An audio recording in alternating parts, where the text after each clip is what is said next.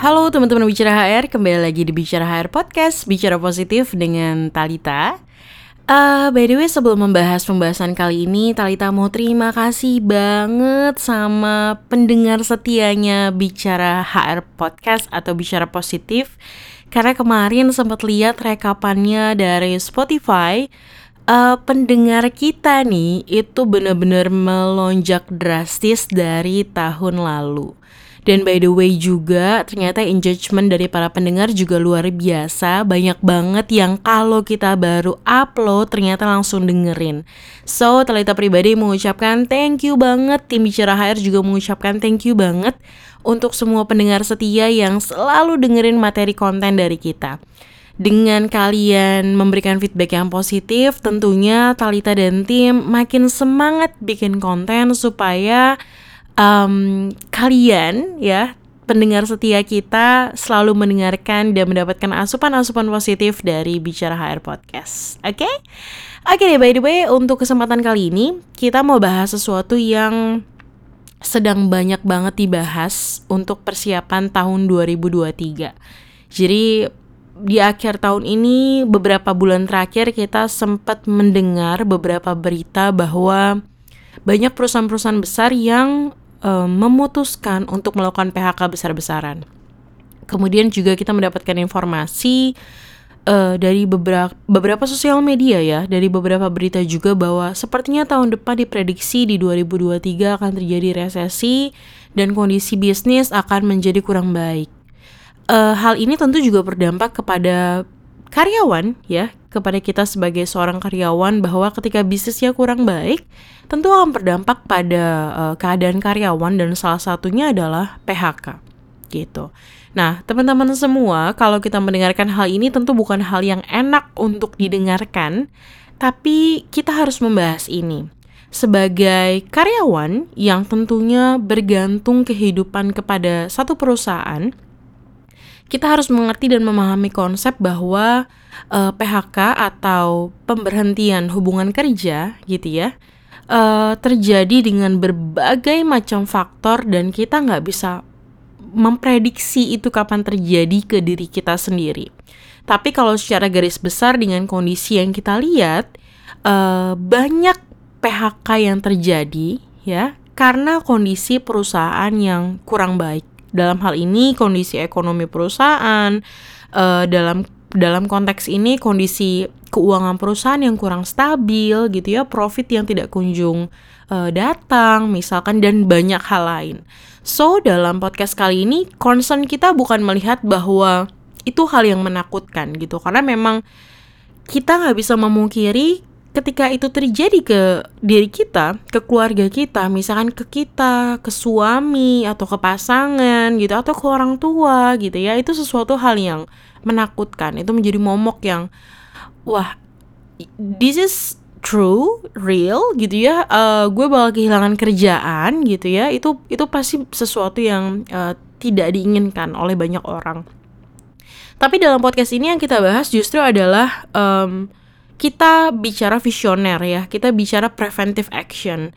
Kita juga tidak berharap bahwa mengafirmasi positif diri kita bahwa um, ini akan terjadi ke kehidupan kita sama sekali enggak. Tapi dalam podcast ini Talita mau ngajak teman-teman semua menyadari bahwa potensi PHK ya, pemutusan hubungan kerja ini sendiri bisa terjadi kapan pun dan di mana pun dengan kondisi apa pun gitu ya pemutusan hubungan kerja ini sesuatu yang harus kita persiapkan karena kita sebagai karyawan yang memiliki kesepakatan dua belah pihak bekerja di perusahaan ketika memulai ya ketika ada awal besar kemungkinan akan ada akhir gitu. So, kita akan membahas sebenarnya ketika teman-teman menghadapi situasi dan kondisi seperti itu uh, apa sih sebenarnya yang harus dipersiapkan untuk menghadapi badai PHK yang akan terjadi Meskipun secara psikologis, secara mental tidak akan ada yang benar-benar siap menghadapi hal tersebut, gitu ya. Oke, teman-teman, kita bahas ya.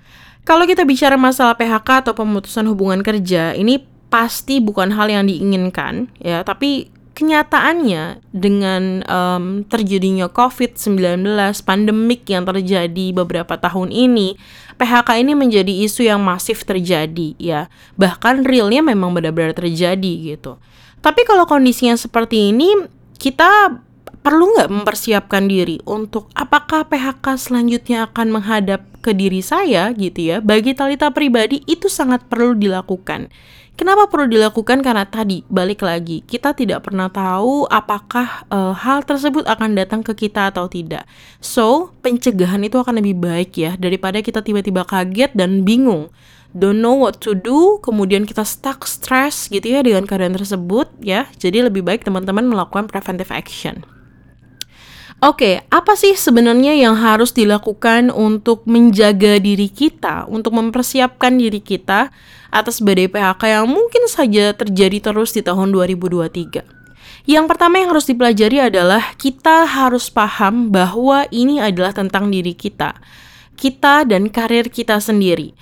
Bagaimana kita bisa terus berkembang adalah tentang kesadaran kita untuk melakukan self development gitu mungkin kita bisa melihat berita yang membuat kita stres gitu ya. Aduh gimana kalau gue gitu. Nah, satu hal yang harus bisa dipersiapkan adalah teman-teman selalu konsisten untuk melakukan self development.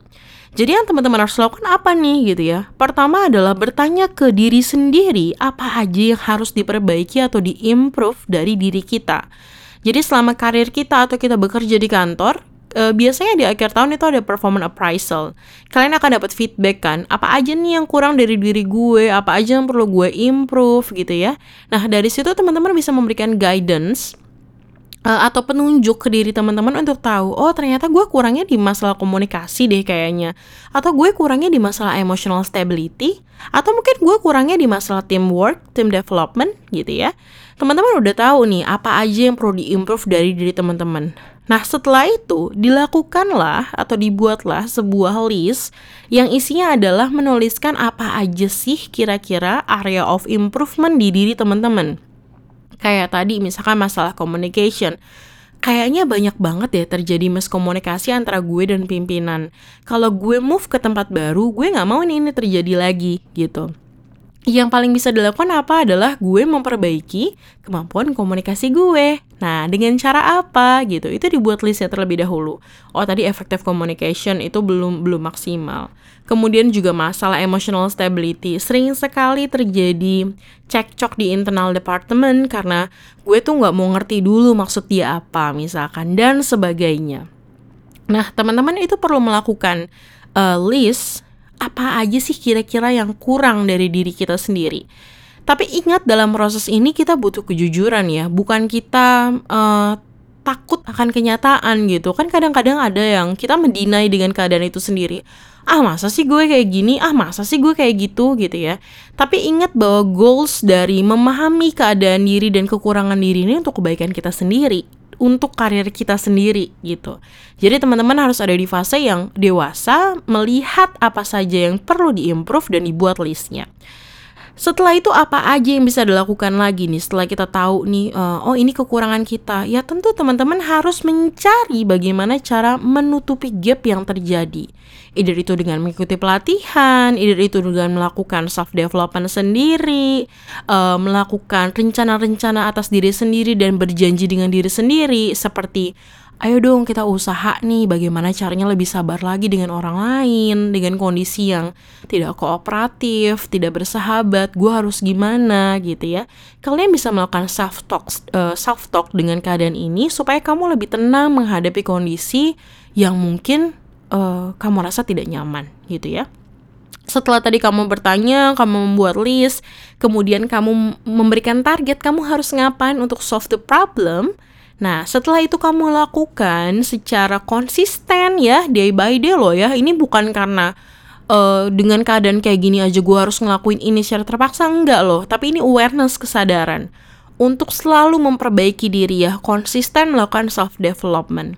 Setelah teman-teman tahu dan sudah melakukan perbaikan terus menerus gitu ya, uh, ada satu kondisi di mana mungkin mungkin ya teman-teman ketemu kondisi pemutusan hubungan kerja mungkin teman-teman akan oke okay, gue udah ready karena gue adalah karyawan yang kompeten, dan ketika keluar dari perusahaan ini, nggak akan sulit untuk gue mendapatkan pekerjaan baru. Gitu. Kan goalsnya adalah sebenarnya itu, supaya teman-teman merasa as a person adalah competent person gitu. Bukan orang-orang yang tidak punya value, bukan orang-orang yang hanya merasa bisa diterima di kantor yang sekarang gitu. Itu jangan sampai terjadi seperti itu. Kemudian setelah teman-teman merasa bahwa wah banyak hal nih yang udah gue perbaiki nih, banyak hal atau banyak pelatihan yang udah gue ikutin nih untuk melakukan career development sendiri. Jangan lupa melakukan secara konsisten update CV secara berkala. Nah, teman-teman juga harus menyadari bahwa apakah CV gue bener ya sekarang ini? Apakah CV gue masih banyak kurangnya gitu? Karena honestly ya, Talita tuh melihat uh, tren uh, ini mungkin bukan untuk pro hire ya. Kalau pro hire mungkin lebih memahami. Tapi banyak tren untuk fresh graduate yang tidak mau mengeksplor lebih apa aja sih sebenarnya yang harus ada dalam CV. Karena masih banyak sekali CV ditemukan tanpa pelatihan apa pun, tanpa pengalaman magang. Jadi just lulus dengan informasi pernah kuliah di mana, nggak ada pengalaman organisasi dan lain-lain. Nah, CV-CV seperti itu kan tidak bisa berkompetisi lebih dengan CV lainnya yang lebih valuable dong gitu. Jadi teman-teman ini baik yang pro hire maupun yang fresh graduate harus memiliki awareness untuk selalu mengupgrade CV-nya supaya memiliki uniqueness tersendiri sehingga kalian bisa selalu berkompetisi di mana pun kalian berada dengan CV yang sudah kalian miliki gitu ya. Jadi kebayang ya, kalau misalkan kamu sudah melakukan list-list tadi, bertanya ke diri sendiri, melakukan self-assessment, kamu membuat list, kamu membuat rencana perbaikan, rencana perbaikannya dilakukan, kamu mengupdate itu ke CV, itu secara secara tidak langsung ya, kamu sudah membuat diri kamu menjadi seseorang yang kompeten dengan melakukan self development gitu. Kenapa harus kayak gitu? Karena dengan menjadi kompeten person sendiri, sekalipun kamu harus menerima kenyataan atas PHK atau pemutusan hubungan kerja yang terjadi, kamu sadar bahwa saya ini adalah valuable person. Saya punya kompetensi yang baik dan CV saya cukup ber uh, cukup cukup valuable lah ya, cukup memiliki nilai untuk bisa uh, berkompetisi dengan CV-CV lainnya gitu. Karena kalau misalkan kamu merasa diri kamu yang tadi Talita bilang di awal gitu, kalau kamu ngerasa bahwa aduh value gue kayaknya so-so deh, kerjaan gue kayaknya gini-gini aja deh, um, apa yang bisa membuat gue uh, lebih berbeda dengan yang lain? Nah, ketika kamu menanyakan itu tanpa kamu memberikan solusi ya sama saja kamu pasrah dengan kehidupan kamu saat ini gitu. Ya PHK ya PHK deh uh, urusan nanti nyari kerja ya gue nggak tahu. Kan nggak bisa kayak gitu ya. Jadi semua tuh baiknya adalah terkonsep terplanning. Kamu tahu apa yang harus kamu lakukan dan perbaiki. Oke, itu yang pertama ya. Yang kedua adalah um, dengan keadaan yang saat ini terjadi ya rasa takut gitu ya mungkin gue nggak ya gitu ya kira-kira gue nggak sih yang uh, akan di PHK gitu menurut Talita pribadi ketika itu belum benar-benar real terjadi, belum ada panggilan dari HRD, belum ada informasi dari atasan, kamu tetap harus konsisten dengan pekerjaan dan performance kamu di kantor. Jadi yang pertama tadi kamu konsisten uh, terkait dengan self development kamu, yang kedua adalah kamu konsisten dengan performance kamu di kantor gitu. Kenapa harus konsisten? Karena ketika perusahaan melakukan PHK dalam jumlah besar, selalu masih ada probabilitas ada orang-orang yang tidak di PHK gitu. Nah, secara logika, mostly orang-orang yang tidak di PHK gitu ya adalah orang yang memang benar-benar memberikan kontribusi lebih kepada perusahaan. Jadi kalau kondisinya perusahaan PHK tidak secara keseluruhan karena uh, operasional perusahaan tutup misalkan gitu ya, tapi memang masih berjalan tapi pengurangan karena PHK mencegah uh, terjadinya kerugian perusahaan atau mengatasi kerugian perusahaan karena teman-teman harus pelajari nih PHK tuh macam-macam ya ada banyak jenisnya di Undang-Undang Cipta Kerja jadi kalau misalkan ternyata yang dikurangi hanya uh, 30%, 40%, let's say dari 100%, masih ada probabilitas untuk kamu tidak masuk ke dalam list PHK. Nah, siapa sih yang dipertahankan? Ya ketika kamu jadi pemimpin perusahaan nih, dalam kondisi harus mengurangi ya dengan dengan dengan rasa sedih ya, dengan rasa tertekan mungkin ya harus mengurangi karyawannya dalam jumlah banyak. tentu yang di saving atau yang dipertahankan adalah orang-orang yang memang benar-benar real berkontribusi untuk perusahaan. So, bagi Talita, kalau kondisinya belum pasti, jangan melemah, jangan demotivasi, tetap konsisten dengan performance kamu. Karena pada akhirnya uh, kita akan talk by data, kita akan ngelihat performance kamu bagaimana, kontribusi kamu untuk perusahaan bagaimana. Jadi ketika kamu memang masih um, memberikan kontribusi yang maksimal, ya besar kemungkinan kamu lah yang dipertahankan gitu. Jadi kebayang nggak kalau misalkan gara-gara hal itu kamu jadi demotivasi, yang tadinya kamu performance-nya bagus tiba-tiba nurun gitu ya, kurvanya uh, terjun bebas ke bawah gitu performance-nya. Itu akan merugikan diri kamu sendiri gitu. Kamu nanti malah jadi kayak wah kenapa ya kayak gini? Kenapa gue kayak gini? Nanti ada penyesalan gitu. Wah harusnya kan gue nggak perlu kayak gini gitu. Karena kondisinya uh, overthinking jadinya demotivasi jadi nggak perform gitu ya. Yang padahal padahal aslinya kamu adalah orang yang sangat perform misalkan gitu ya. So tetap konsisten dengan performa kerjanya. Dan yang terakhir nih um, untuk masalah uh, eh, self development kita gitu ya terkait dengan tadi kita melakukan assessment kemudian kita melakukan uh, konsistensi terhadap performa kerja yang ketiga yang harus kita develop benar-benar di dalam diri kita itu adalah masalah pemahaman terhadap undang-undang ketenaga kerjaan. Kenapa Talita bilang seperti ini? Kita harus memahami benar kalau kita tuh karyawan kontrak atau karyawan tetap uh, ketika kita di PHK sebagai karyawan kontrak apa yang kita dapat ketika kita sebagai karyawan tetap masa kerja kita berapa lama? Kita di PHK dengan tipe apa? Uh, atau jenis yang mana? Gitu ya maksud Talita. Kita akan dapat berapa? Perhitungannya berapa? Itu bisa menjadi um, informasi yang valuable banget untuk kita.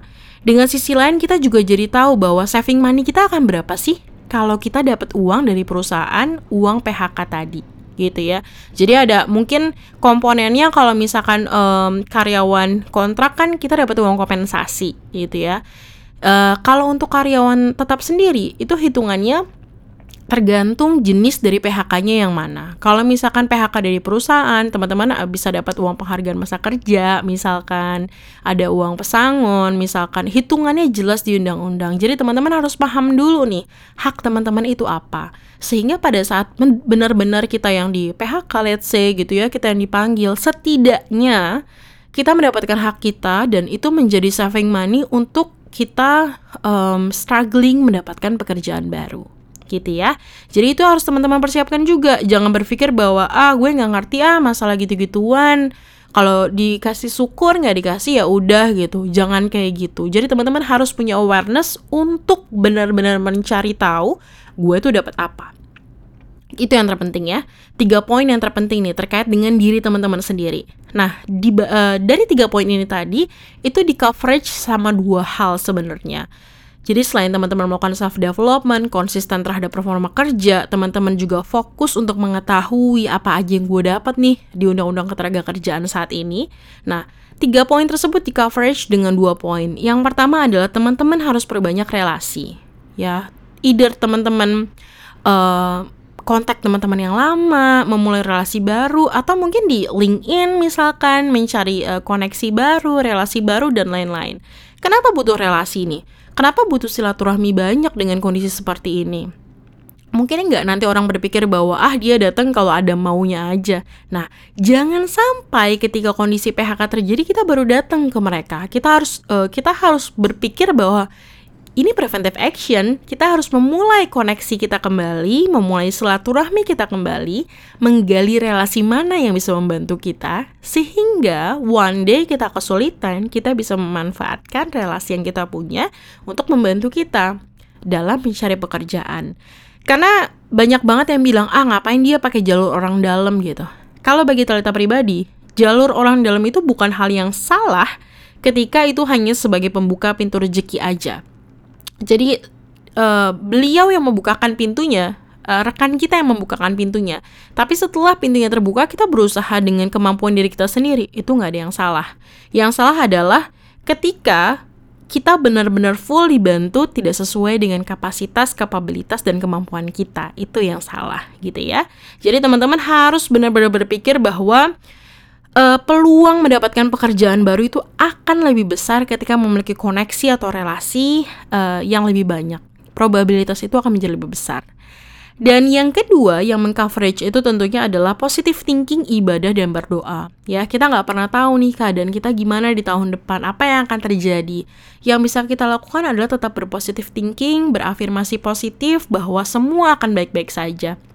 Tapi inline dengan keadaan itu, dengan uh, kepositifan itu kita juga harus tetap berusaha dong ikhtiar bahwa ada poin-poin yang harus kita lakukan yaitu yang tadi telah kita sebutkan di awal ya tetap melakukan self development kita meyakini bahwa performa kerja adalah hal yang penting dan mempelajari undang-undang ketenaga kerjaan terkait dengan PHK sendiri. Jangan lupa berdoa, jangan lupa meminta sama yang kuasa untuk memberikan kemudahan kita, karir kita, rezeki kita. Nah, itu yang terpenting. Gitu teman-teman ya. Jadi sebenarnya Merasa takut itu hal yang wajar, manusiawi sekali. Feedback yang terjadi di dalam diri kita jadi stres dan lain-lain itu wajar. Tapi yuk, dalam podcast ini Talita mau membuka pikiran teman-teman bahwa takut itu wajar, tapi kita juga harus punya planning what to do-nya tuh apa untuk menghadapi kondisi yang bisa saja terjadi. So, kalau mengulang ya, di awal kita membahas apa yang harus dipersiapkan untuk menghadapi PHK atau badai PHK, Gimana teman-teman? Udah tahu belum poinnya? Udah memahami belum poinnya setelah mendengarkan podcast ini? Harusnya teman-teman bisa mendapatkan insight ya, even sedikit misalkan. Uh, Talita berharap mendapatkan uh, insight yang memang kita ingin berikan ke teman-teman. Oke, okay, sebelum kita mengakhiri podcast, kita summary sedikit. So, apa yang harus dilakukan? Pertama, tetap melakukan self-development secara konsisten berkala. Kedua, teman-teman harus tetap konsen mempertahankan performa kerja di kantor. Ya, tidak perlu demotivasi dengan isu-isu yang belum terkonfirmasi dengan clear. Kemudian, memahami dan lebih menggali lagi pemahaman terkait dengan undang-undang ketenaga kerjaan fokus ke dalam pasal yang berkaitan dengan PHK atau pemutusan hubungan kerja. Dan tiga poin ini silakan di cover dengan relasi, koneksi, silaturahmi, usaha, positive thinking, dan selalu berdoa. Ya, good luck teman-teman menghadapi 2023. Semoga kita semua diberikan kemudahan oleh Allah Subhanahu wa taala menghadapi um, kehidupan kita sehari-hari. Oke. Okay? By the way, once more thank you ya untuk mendengar setia kita um, banyak hal yang mau kita bahas lagi nih untuk teman-teman semua. So kalau ada yang mau kasih masukan, mau kasih request, mau bahas apa gitu ya, boleh kok ke Instagramnya bicara HR at bicara HR Terus juga jangan lupa dong main ke website kita di www.bicarahai.id. Mungkin teman-teman mau lihat apa aja sih yang dibahas di sana gitu ya. Oke, okay, thank you untuk mendengarkan ya. Uh, bagi teman-teman yang memang merasa bermanfaat, jangan lupa dong dibantu share ke teman-teman lainnya yang mungkin membutuhkan atau mendengarkan podcast ini juga. So, terima kasih banyak atas waktunya. Assalamualaikum warahmatullahi wabarakatuh.